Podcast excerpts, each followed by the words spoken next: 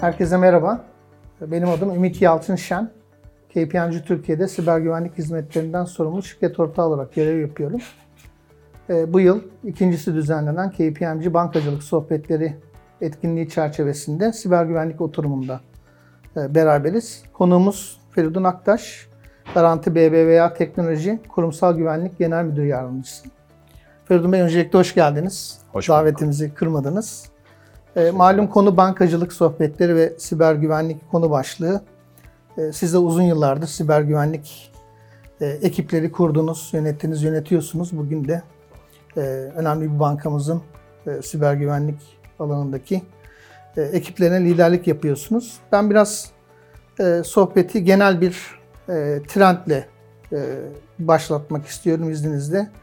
E, KPMG'nin ve uluslararası diğer bazı e, araştırma kuruluşlarının genel olarak siber güvenlik alanında verdiği bir takım trendler var. E, önemli konu başlıkları diyelim bunlara.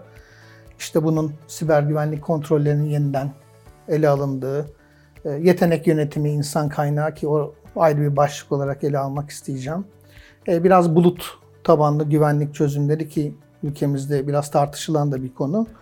Güvenlik otomasyonu, dijital tedarik zinciri güvenliği ve benzeri gibi konu başlıkları tematik olarak önümüzdeki dönemde e, dikkate gelmesi gereken veya bir şekilde siber güvenlik profesyonellerinin ilgilendiği konular. Türkiye'de de konu başlıkları aşağı yukarı örtüşüyor ama siz bir e, bu işin hem savunma tarafında hem de kurumsal taraftaki e, profesyonellerinden biri olarak siz ne görüyorsunuz hem sektörünüz için hem ülkemiz için hangi riskler veya hangi konu başlıkları öne çıkıyor? Ee, Öncelikle teşekkür edeyim davetiniz için bu etkinliğe. Ee, KPMG'nin yaptığı araştırmadaki başlıklar istisnasız Türkiye'nin de gündeminde. Zaten biraz herhalde tevekkeli siber dünyanın sınırı olmadığı için dünyada ne oluyorsa bütün ülkeleri de etkiliyor. Çok. Biz de o yüzden bunların tümüne hem tabiiz hem etkileniyoruz diyeyim. Ee, geçtiğimiz yıla baktığımız zaman da Türkiye'de daha çok öne çıkan birkaç böyle hem magazinsel hem hacim hem de etki anlamında başlıklardan e, değinecek olursak en önemlilerinden biri veri hırsızlıkları oldu. E, basına yansıyan, KVKK tarafından duyurulan, e, genelde de insanların finansal ya da kimlik bilgilerini çalmaya yönelik olayların biraz 2021 yılında gündem olduğunu gördük. Bir başka 2021'e damga vuran şeyler de malware dediğimiz bu fidye yazılımları ile herhangi bir sektörden ve herhangi bir ölçekte e, kurumu hedef alan saldırıların oldukça arttığını gördük. E, Burada biraz paradigma değişikliği de var. E, Sektördeki diğer bazı etkinliklerde de hem konuştuk hem duyduk, dinledik. Verinin parasal değeri artık eskisi kadar yüksek değil. Evet. Çünkü veri artık her yerde.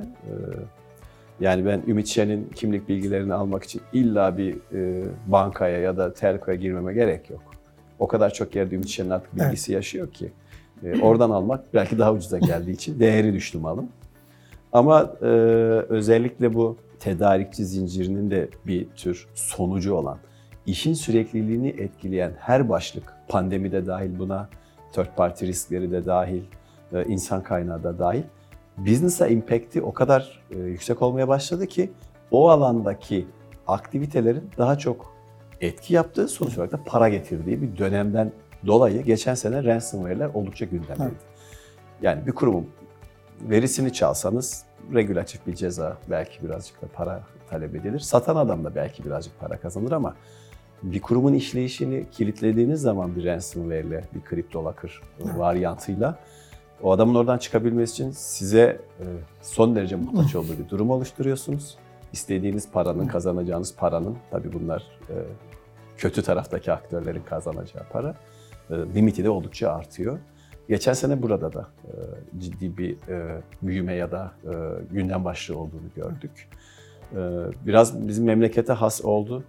Siz de dediğiniz gibi ayrı bir konu başlığı ama insan kaynaklarının özellikle de yurt dışına ve özellikle de en iyilerinin, en kalitelilerinin kaybedildiği önemli bir yıl oldu. Evet. E, özellikle bazı kritik yetkinliklere sahip arkadaşlarım diyeyim.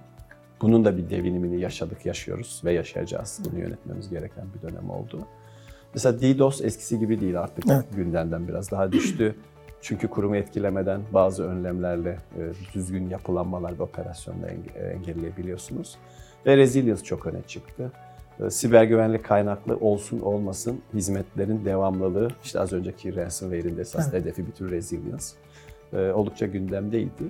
E, Biz de saydığınız başlıkların temelde paralelinde bir 2021 geçirdik. Çok güzel. Burada birkaç tane tematik konuyu belki derinlemesine irdelemek gerekirse bu e, insan kaynağı konusu hem kurumsal alanda hem bizim gibi danışmanlık hizmeti vermeye çalışan kurumlarda epey bir gündem. E, maalesef hem e, zaten epeydir bir siber güvenlik alanında yetişmiş insan gücü eksikliğinden bahsedile gelir. Benim hatta bu alana girme motivasyonlarımdan biri de buydu. Belki bir pazarlama şeyi de olabilir o. Halen doğru alandasınız. Hep bir eksiklik var yani insan kaynağı Evet. gücünde ama e, bu Covid-19'la beraber yer değiştirmeler siber güvenlik alanında da epey Evet. e, yüksek. Orada e, sektör açısından özel bir risk görüyor musunuz veya e, nasıl bir teşvik verilebilir? İşte sohbet öncesi de bir miktar görüş alışverişi yaptık sizinle. E, bir miktar orada sanki e, kural koyuculara, belki akademik dünyaya e, veya diğer belki otoritelere de epey bir iş düşüyor gibi sanki. Evet. Ee, bu önemli bir konu. Ee, öncelikle şunu söyleyeyim. Ben de o marketingi üniversitelere gidip konuşurken yapıyordum. Yani negatif işsizliğin olduğu alanlardan biri siber Evet. güvenlik. Her zaman insan olan talep arzın çok üstünde. Evet. Ve böyle de devam edecek gibi. Bize de has değil. Global raporlarda da dünya çapında da diğer önemli gelişmiş ülkelerde herhangi gelişmekte olan ülkelerde hepsinde bu açık var. Bu esasında gençler için iyi de bir kariyer fırsatı oluyor. Bunu da gözlemliyoruz. Artık e, biz Garanti BDV olarak e, liselerle işbirlikleri yapmaya başladık. Liseden bu e, kişileri e, yetiştirmesine destek olalım, sektöre kazandıralım çabası içindeyiz. Keza üniversitelerde de. E, buradaki problem devam ediyor mu? Evet ediyor, edecek. E, bu AI, e, robotik otomasyon, makine öğrenmesi gibi bazı unsurlar birçok alanda işleri rahatlatıyor. Ee, Ama Hollywood'un e, işlediği suçlardan biri diye bir web şeyde dinlemiştim e, webcast'te. E, Terminator gibi insanın yaptığı her şeyi yapan kişi şeyler çıkmayacak. Bu AI değil yani. E, öyle bir şey beklemeyeceğiz robotlardan. Ama biz AI'yı, makine öğrenmesini ya da robotik otomasyonları günlük yaptığımız e, bazı sıkıcı e, ya da yüklü işleri devredebileceğimiz teknoloji olarak kullanacağız. Ancak bu teknolojileri kurumun ihtiyacına göre yapılandıracak olan, pozisyonlayacak olan ve de geliştirecek olan yine bu yetkin insan Çok kaynağı. doğru. Buradaki bağımlılık e, biraz kumaşı değişse de artıyor ve e, yetkin insan kaynağı her yerde halen e, kısıtlı. E, Biz bir de bunu yurt dışına giden arkadaşlarla ciddi oranda kaybediyoruz. Yani kurumlar arası değişkenlik göstermekle beraber yıllık yüzde 20'lerden yüzde 40'lara 50'lere kadar turnover olan Evet. güvenlik ekiplerini duyuyorum. E, Sektördeki arkadaşlardan biliyorum. E, Bu bizim için bir problem. Peki bunu nasıl çözmek lazım ya da nereye gidiyoruz? Şimdi e, şu açıdan şanslı olduğumuzu düşünüyorum ben. E, Türk insanı gerçekten pragmatik. Ve pragmatik düşünebilme yetkinliği e, özellikle bilgi güvenliği, siber güvenlik alanında inanılmaz bir e, fayda ve farklılık sağlıyor. O yüzden Türk gençler için de ben gerçekten bir cevher olduğuna e, hem inanıyorum hem de gözlemledim ve bunu tecrübede ettim. E, Biraz dediğiniz gibi e, sektörün dinozorlarından olmak Estağfurullah. mütevellit e, oldukça fazla arkadaşımın değil e, kurum içinde ülke çapında hatta dünyada belirli yere gelen e, kendine söz, e, sözü e, muteber olan insanlar olduğunu gördüm. O yüzden kaynağımız var. Ama bu kaynağı yetiştirirken de sadece kurumların üzerinden, ben sektöre hasta konuşayım yani bankacılık ya da diğer regüle sektörler üzerinden bu insan kaynağını, bu açığı gidermek mümkün değil. Bir kere her şeyden önce kurumlar ticari, EBITDA baskısı olan kurumlar. E, Çok sevdiğim bir arkadaşımın lafı var, EBITDA baskısıyla memleket güvenliği olmaz. E, Ve güvenlik sadece güvenlik değil, işte e, data e, mühendisliği, e, bu dediğimiz gibi AI, makine öğrenme konusunda uzmanlar, e, keza mobil uygulamalar gibi yetkinlikler e, ülkenin sadece büyümesi için değil, sürdürülebilirliği için, bekası için, gelişimi için elzem hale geldi yeni çağda. Ve bizim buralara yatırım yapmamız lazım. Yani e, baktığımız zaman rakamlara görüyoruz. E, dünyanın en büyük 10 şirketinin bugün 8 tanesi IT işi yapıyor ya da IT driven iş yapıyor. Alibaba bence bir e, şey değil. Marketplace ama arkasında IT olan bir marketplace. Yani mal ürettiği için değil o malı e, teknolojiyle e, teknoloji- için. Hepsi bir öyle. tür teknoloji Sadece bir Aramco var. O da. Evet. petrole ucuz erişilebilir bir toprakta bulunmaktan ötürü Evet. ilk onun içinde. Onun dışındaki tümü teknoloji e, firmaları. Ülkenin gelişimi için ve bu teknoloji dalgasında da bekası için o zaman bizim yatırım yapmamız gereken yerlerde e, doğal olarak bu yetkinliklere sahip insanlar olmalı. Yani bazı e, ülkemize de baktığımızda ya da e, başka ülkelerde de gözlemlediğimizde başka alanlara da yatırımlar yapılabilir. Yani mesela elektrikli otomobil gibi, enerji kaynakları gibi bunlar önemli. Ama teknoloji bunların hiçbirinden daha az önemli, Önemli. değil. Çok ilerisinde. Ve burada da dediğim gibi kurumlar kadar topyekün bir e, ulusal stratejiye ihtiyaç var. Birkaç yerde de bahsettiğim için burada da örnek verebilirim. E, bu işin mekaniği, mantığı, hesapları e, yine ilgili otoriteler tarafından detaylı hesaplanır ama e, biz bu değerli yetenekleri yetiştirmek için örneğin kurumlara, e, bazı branşlarda üniversite mezun arkadaşları almak, onları belli bir süre kurum içinde tutup istihdam etmek, hem kurumun ihtiyacını gidermek hem de gelişecek arkadaşa gerçekten güzel bir kuluçka ortamı, güzel bir laboratuvar, deneme, gelişim, tecrübe ortamı sunmak üzere bir model geliştirilse, bunu yapan kurumlara e, ya da çalışana vergi avantajları ama ciddi vergi avantajları verse ben eminim ki birçok insan girdiği kurumda 2 yıl, 3 yıl çalışmak, orada tecrübelenmek, hands-on dediğimiz pratiği e, öğrenmek, elini taşın altına koyacak e, case'leri yaşamak şeklinde gelişecek. Ondan sonra yine istediği yere gidebilir. Ama bu gelişim için hem kurumların ihtiyacını gideren, hem de e, bu gençleri sektöre kazandıran, hem de bunu cazip bir hale getiren vergi avantajı gibi konuları bir sepetleyip, bir e, bohçalayıp, paketleyip e, sunsak, bu tür bazı açılımlara e, doğru yönelsek, belki tüm sorunu çözmesek de sorunun azalmasına, etkisini azaltmaya yönelik bazı hamleler yapabiliriz. Ve bir Ee, belki de kartopu etkisi de yaratabilir o. O da yaratabilir. Yani Cazibe açısından. çok doğru. Ee, Türkiye'den çok iyi çıkan siber güvenlik anlamında startuplar da Evet. var. E, bu startuplar burada çalışan Türk gençleri tarafından yapıldı. Ya bunun sayısı niye 2'de, 3'te, 5'te kalsın? 20-30 olduğunda bir süre sonra e, bu işler e, ilerler gider. E, Ben e, Belarus'ta bulunma e, şansını elde etmiştim eski iş yerimde. Mesela oradaki e, New York'taki Stock Exchange'e kote iki tane yazılım evi var. Yani büyüklüğe bakın. Belarus küçücük bir üniversite. Yani küçük bir ülke. Evet. Bir iki tane iyi teknik üniversitenin mezunlarını doğru modelle pozisyonlayıp istihdam e, ortamı kurduğu için New York'ta e, borsaya kote yazılım üreten e, şirketleri var. Evet. Ya dediğiniz o kar topu efekti bir anda oralara götürebiliyor Belarus'u. Türkiye'yi niye daha iyi yerlere götürmesin? Biraz topyekun harekete ihtiyaç var Evet. ve eğer hani devletimiz bir şeyleri destekleyip sübvanse edecekse e, o ilk ona bir şirket sokacaksa o şirket teknoloji şirketi olsun, Kesinlikle. sübvansiyonda bu Evet. alanda olsun diye temenni ederim. Çok en fikrim açıkçası. Çünkü oradan biraz da e, e, işin teşvik tarafına bağlarsak e, siz yine büyük bir kurumda çalışıyorsunuz ve bir kaynak havuzunuz var. Evet o kaynak belki e, insan gücü açısından gene yetmiyor olabilir faaliyetin riskleri ve e, tehditleri açısından ama Türkiye'deki işletme sayısını düşünürsek o işletme sayısının çok önemli bir kısmında bir bilgi güvenliği uzmanı, siber güvenlik uzmanı istihdam etmek epey zor. Hem ekonomik şartlar açısından hem de diğer e, unsurlar açısından. E, Böyle olunca işin risk tarafında işte bir rehin alma saldırıları olabilir, kesintiler olabilir.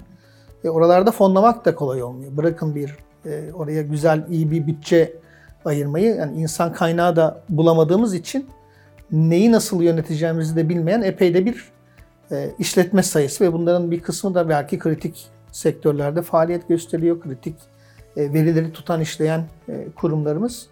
Dolayısıyla bir böyle 360 derece bir teşvik e, sisteminin hem kamu, özel, akademi dünyasının işbirliğine ihtiyaç var gibi görünüyor.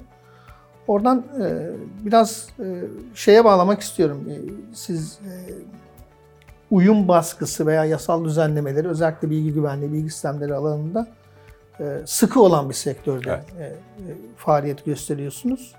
Birçok şeyin de belki ilk tetikleyicisi, tetikleyicisi Türkiye'de belki bu uyum baskısı da olmuş olabilir.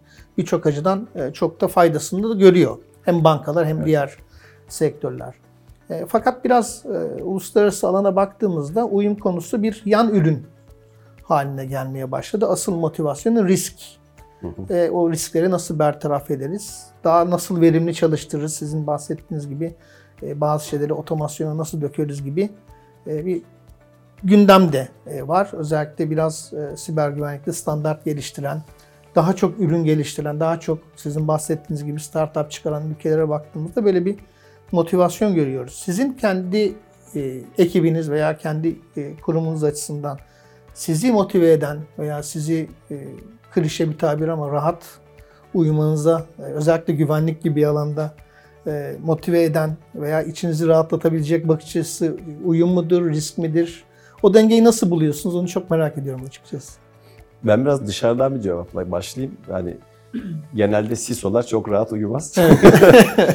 Çünkü e, siber güvenlikte riskin boyutu ne zaman, kim tarafından, nasıl ve nereye hedefleyeceğinin bilinmemesidir. Zaten olayın e, esprisi de burada. O yüzden uyku diye bir şey e, tanım olarak çok görevi, görevin Çok tanımıyla uyuşmuyor.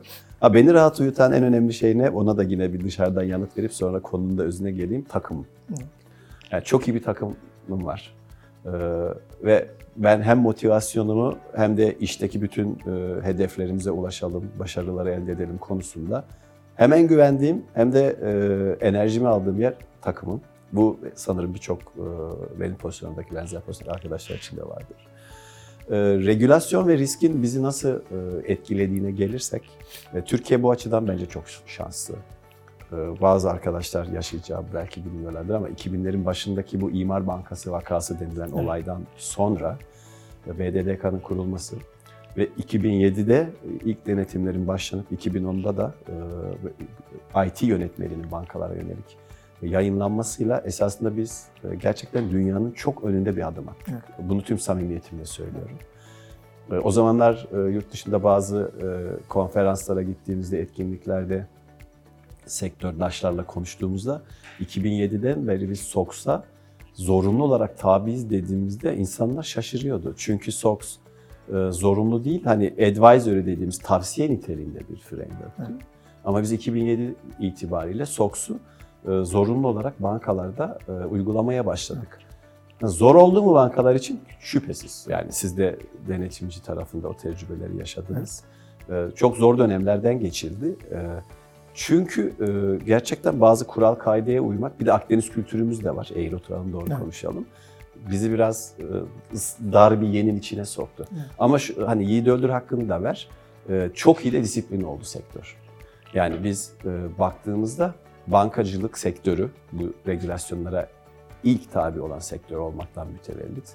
Ayrıca Türkiye bankacılık hizmetlerini gerçekten dünyada da Avrupa'da da en ileri götürebilen Kesinlikle. yetkinliğin olduğu bir ülke olduğunda regülasyon bizi rahat uyuttu. Neden? Çünkü olayların disipline edildiğini, kontrol altında olmasının mümkün olduğunu, bunun gerekliliğini biz öğrendik. Şimdi yeni yönetmelikler de geldi ve Evet. Şunu da söyleyebilirim ki tabii ki yönetmeliğin zorlayıcılığı her zaman olacaktır. Ama taş üzerine taş koyan, gelişimi de destekleyen bir e, biz regülasyon yönetmelikler e, hikayesi yaşıyoruz 2007'den beri 15 yıl olmuş. Bu anlamda e, bir tür destekçi demeyeyim, sanki köstekçi ve destekçi gibi ikilem olmasın ama güzel bir uyum, en güzel burada laf belki, uyumlanan bir hayatımız oldu bizim bankacılık sektörü olarak. Ancak şu var, e, yanılmıyorsam 2015 yılıydı. Bir sunumda aklımda kalan hiç unutmadığım bir söz var. Bir e, sunumda bir vendor'ın e, marketing VP'si şey demişti. e, Siber güvenliğe karşı en önemli tehdit nedir? Slide boş, herkes yanıtı bekliyor. E, regülasyon dedi. Bunu tabii regülasyonu kötülemek için Evet. söylemedi. Çünkü regülasyonun nasıl algılandığını ve algılanması gerektiğinin altını çizmek için söyledi. Regülasyon disiplini getirir ama sizi %100 güvenceye ulaştırmaz. O %100 güvenceye ulaşılması için sizin sektörünüzün e, tabi olduğunuz risklerin, işte KPMG'nin yaptığı araştırmadaki tüm başlıkların hem farkında olmanız hem bunu içselleştirmeniz, e, büyük kurumsanız kurumsallaştırmanız artık son dönemde sadece kurumsal değil ekosisteminizin içinde de e, bunu etkin hale getirmeniz için e, regülasyonun isterlerinin dışında e, ayrı bir line'dan bahsetmiyorum. Ondan sapmaktan bahsetmiyorum ama onun üstüne, bazen yanına, bazen belki arkasına farklı unsurları da dizmeniz gereken e, bir dünyada yaşıyoruz. O nedenle regülasyon bizi disipline ediyor ama risk e, biraz e, şuurumuzu açıyor ve bizi ayakta tutuyor. Ona göre önlemler alma, servisler, fonksiyonlar geliştirme, organizasyonlar, yetkinlikler edinmek gibi resmi tamamlıyor. Ee, doğal olarak risk birazcık daha önde çünkü regülasyon bir sektörü ilgilendirmesine rağmen artık riskin sınırı kalmadı. Evet. Özellikle dijitalleşmeden sonra işte third party riskler, SolarWinds vakası, Log4j vakası, Evet. çalınan bilgiler e, vatandaşların bunlara baktığınızda artık büyüğü, küçüğü, bankacısı, tavukçusu, Türkiye'si, İsrail kalmadı yani. Evet. Herkes birbirini etkiler hale geldiği için risk daha geniş bir yüzeyde ve daha bir etken hale geldi. O nedenle o bakış açısını hiçbir zaman göz ardı etmemek lazım. Çok hemfikirim. E, Açıkçası ben de kişisel olarak e, ülkemizde özellikle bankacılık sektöründeki e, hikayenin daha fazla yaygınlaşması, örnek alınması demeyeyim ama biraz oraya benzeştirilmesi Hı. gerektiğini düşünüyorum birçok kritik sektör açısından. Onun için regülasyonun önemini ülkemizde yatsıyamayız bence de. Ama birebir katılıyorum. E, tek başına da regülasyon her şeye yetemiyor maalesef. Çünkü e, siber güvenlik dünyasında her gün bir gelişme var. Bir yasal düzenlemeyi çıkarmak, onun bir kanunu veya bir yönetmeliğe bağlamak epey de vakit alan meseleler. Onun için düzenleyicilere de bir şey bırakmak lazım, bir nefes alma Oyuna. imkanı bırakmak lazım. E, açıkçası hani e, sonuna geldik sohbetimizin. E, ben son olarak e, özellikle siber güvenlik alanında kariyer yapmak isteyen e, gençler, üniversite mezunları ya da bu alana girmek isteyenler için hani çok kısa bir tavsiyeniz ya da e, nasıl bir teşvik e, şeyiniz olabilir, programınız olabilir kişi olarak ya da kurum olarak e, onu merak ediyorum. Onunla kapatabiliriz belki. Siber güvenlik enteresan bir alan. Biraz amiyane tabir olabilir kusura bakmasın dinleyenler ama hani it kopukla uğraşacağım bir alan. Önce mizacının buna uygun olması lazım. Ama şunu da söyleyebilirim. Bu insanı çok hem zihnini hem kendini dinç tutan bir şey. Yani sürekli e, ne oluyor, neler oluyor, neler gelişiyor bunun farkında olmanız lazım. Hani eski tarihi bilmem ne lokantası olur. Adam 40 yıldır pirinci aynı yerden, kuru fasulyeyi aynı yerden, eti aynı kasaptan alır. Ve bu onun esasında gerçek değer teklifidir. Bizde öyle bir şey yok Evet. yani. Bugünkü değer teklifiniz yarın eskimiş olabilir. O yüzden kendini sürekli güncellemeye istekli e, ve enerjik olan e, bir mizaca sahip olmak lazım. Gençler şu açıdan avantajlı. Ülkemizde birçok kurum, bizde dahil e, Talent Spot isminde programı var Garanti BBVA'nın. Ve diğer başka kurumlarda da benzer programlar var. Buralara başvurarak liseden, çal- halen okurken ya da mezuniyetine yakın ya da mezuniyet sonrası kendilerini kurumların desteğiyle bu patikaya atabilirler. Daha da tabii e, rahat olanı ve kolay olanı kendileri e, okuldayken hatta okumuyor gençlerde de artık bunları görüyorum. Lisede terkler diyeyim tırnak içinde. E, YouTube'dan, internet üzerinden o kadar fazla şey var ki kaynak. Evet. Bunu da bir klişe laf gibi söylemiyorum.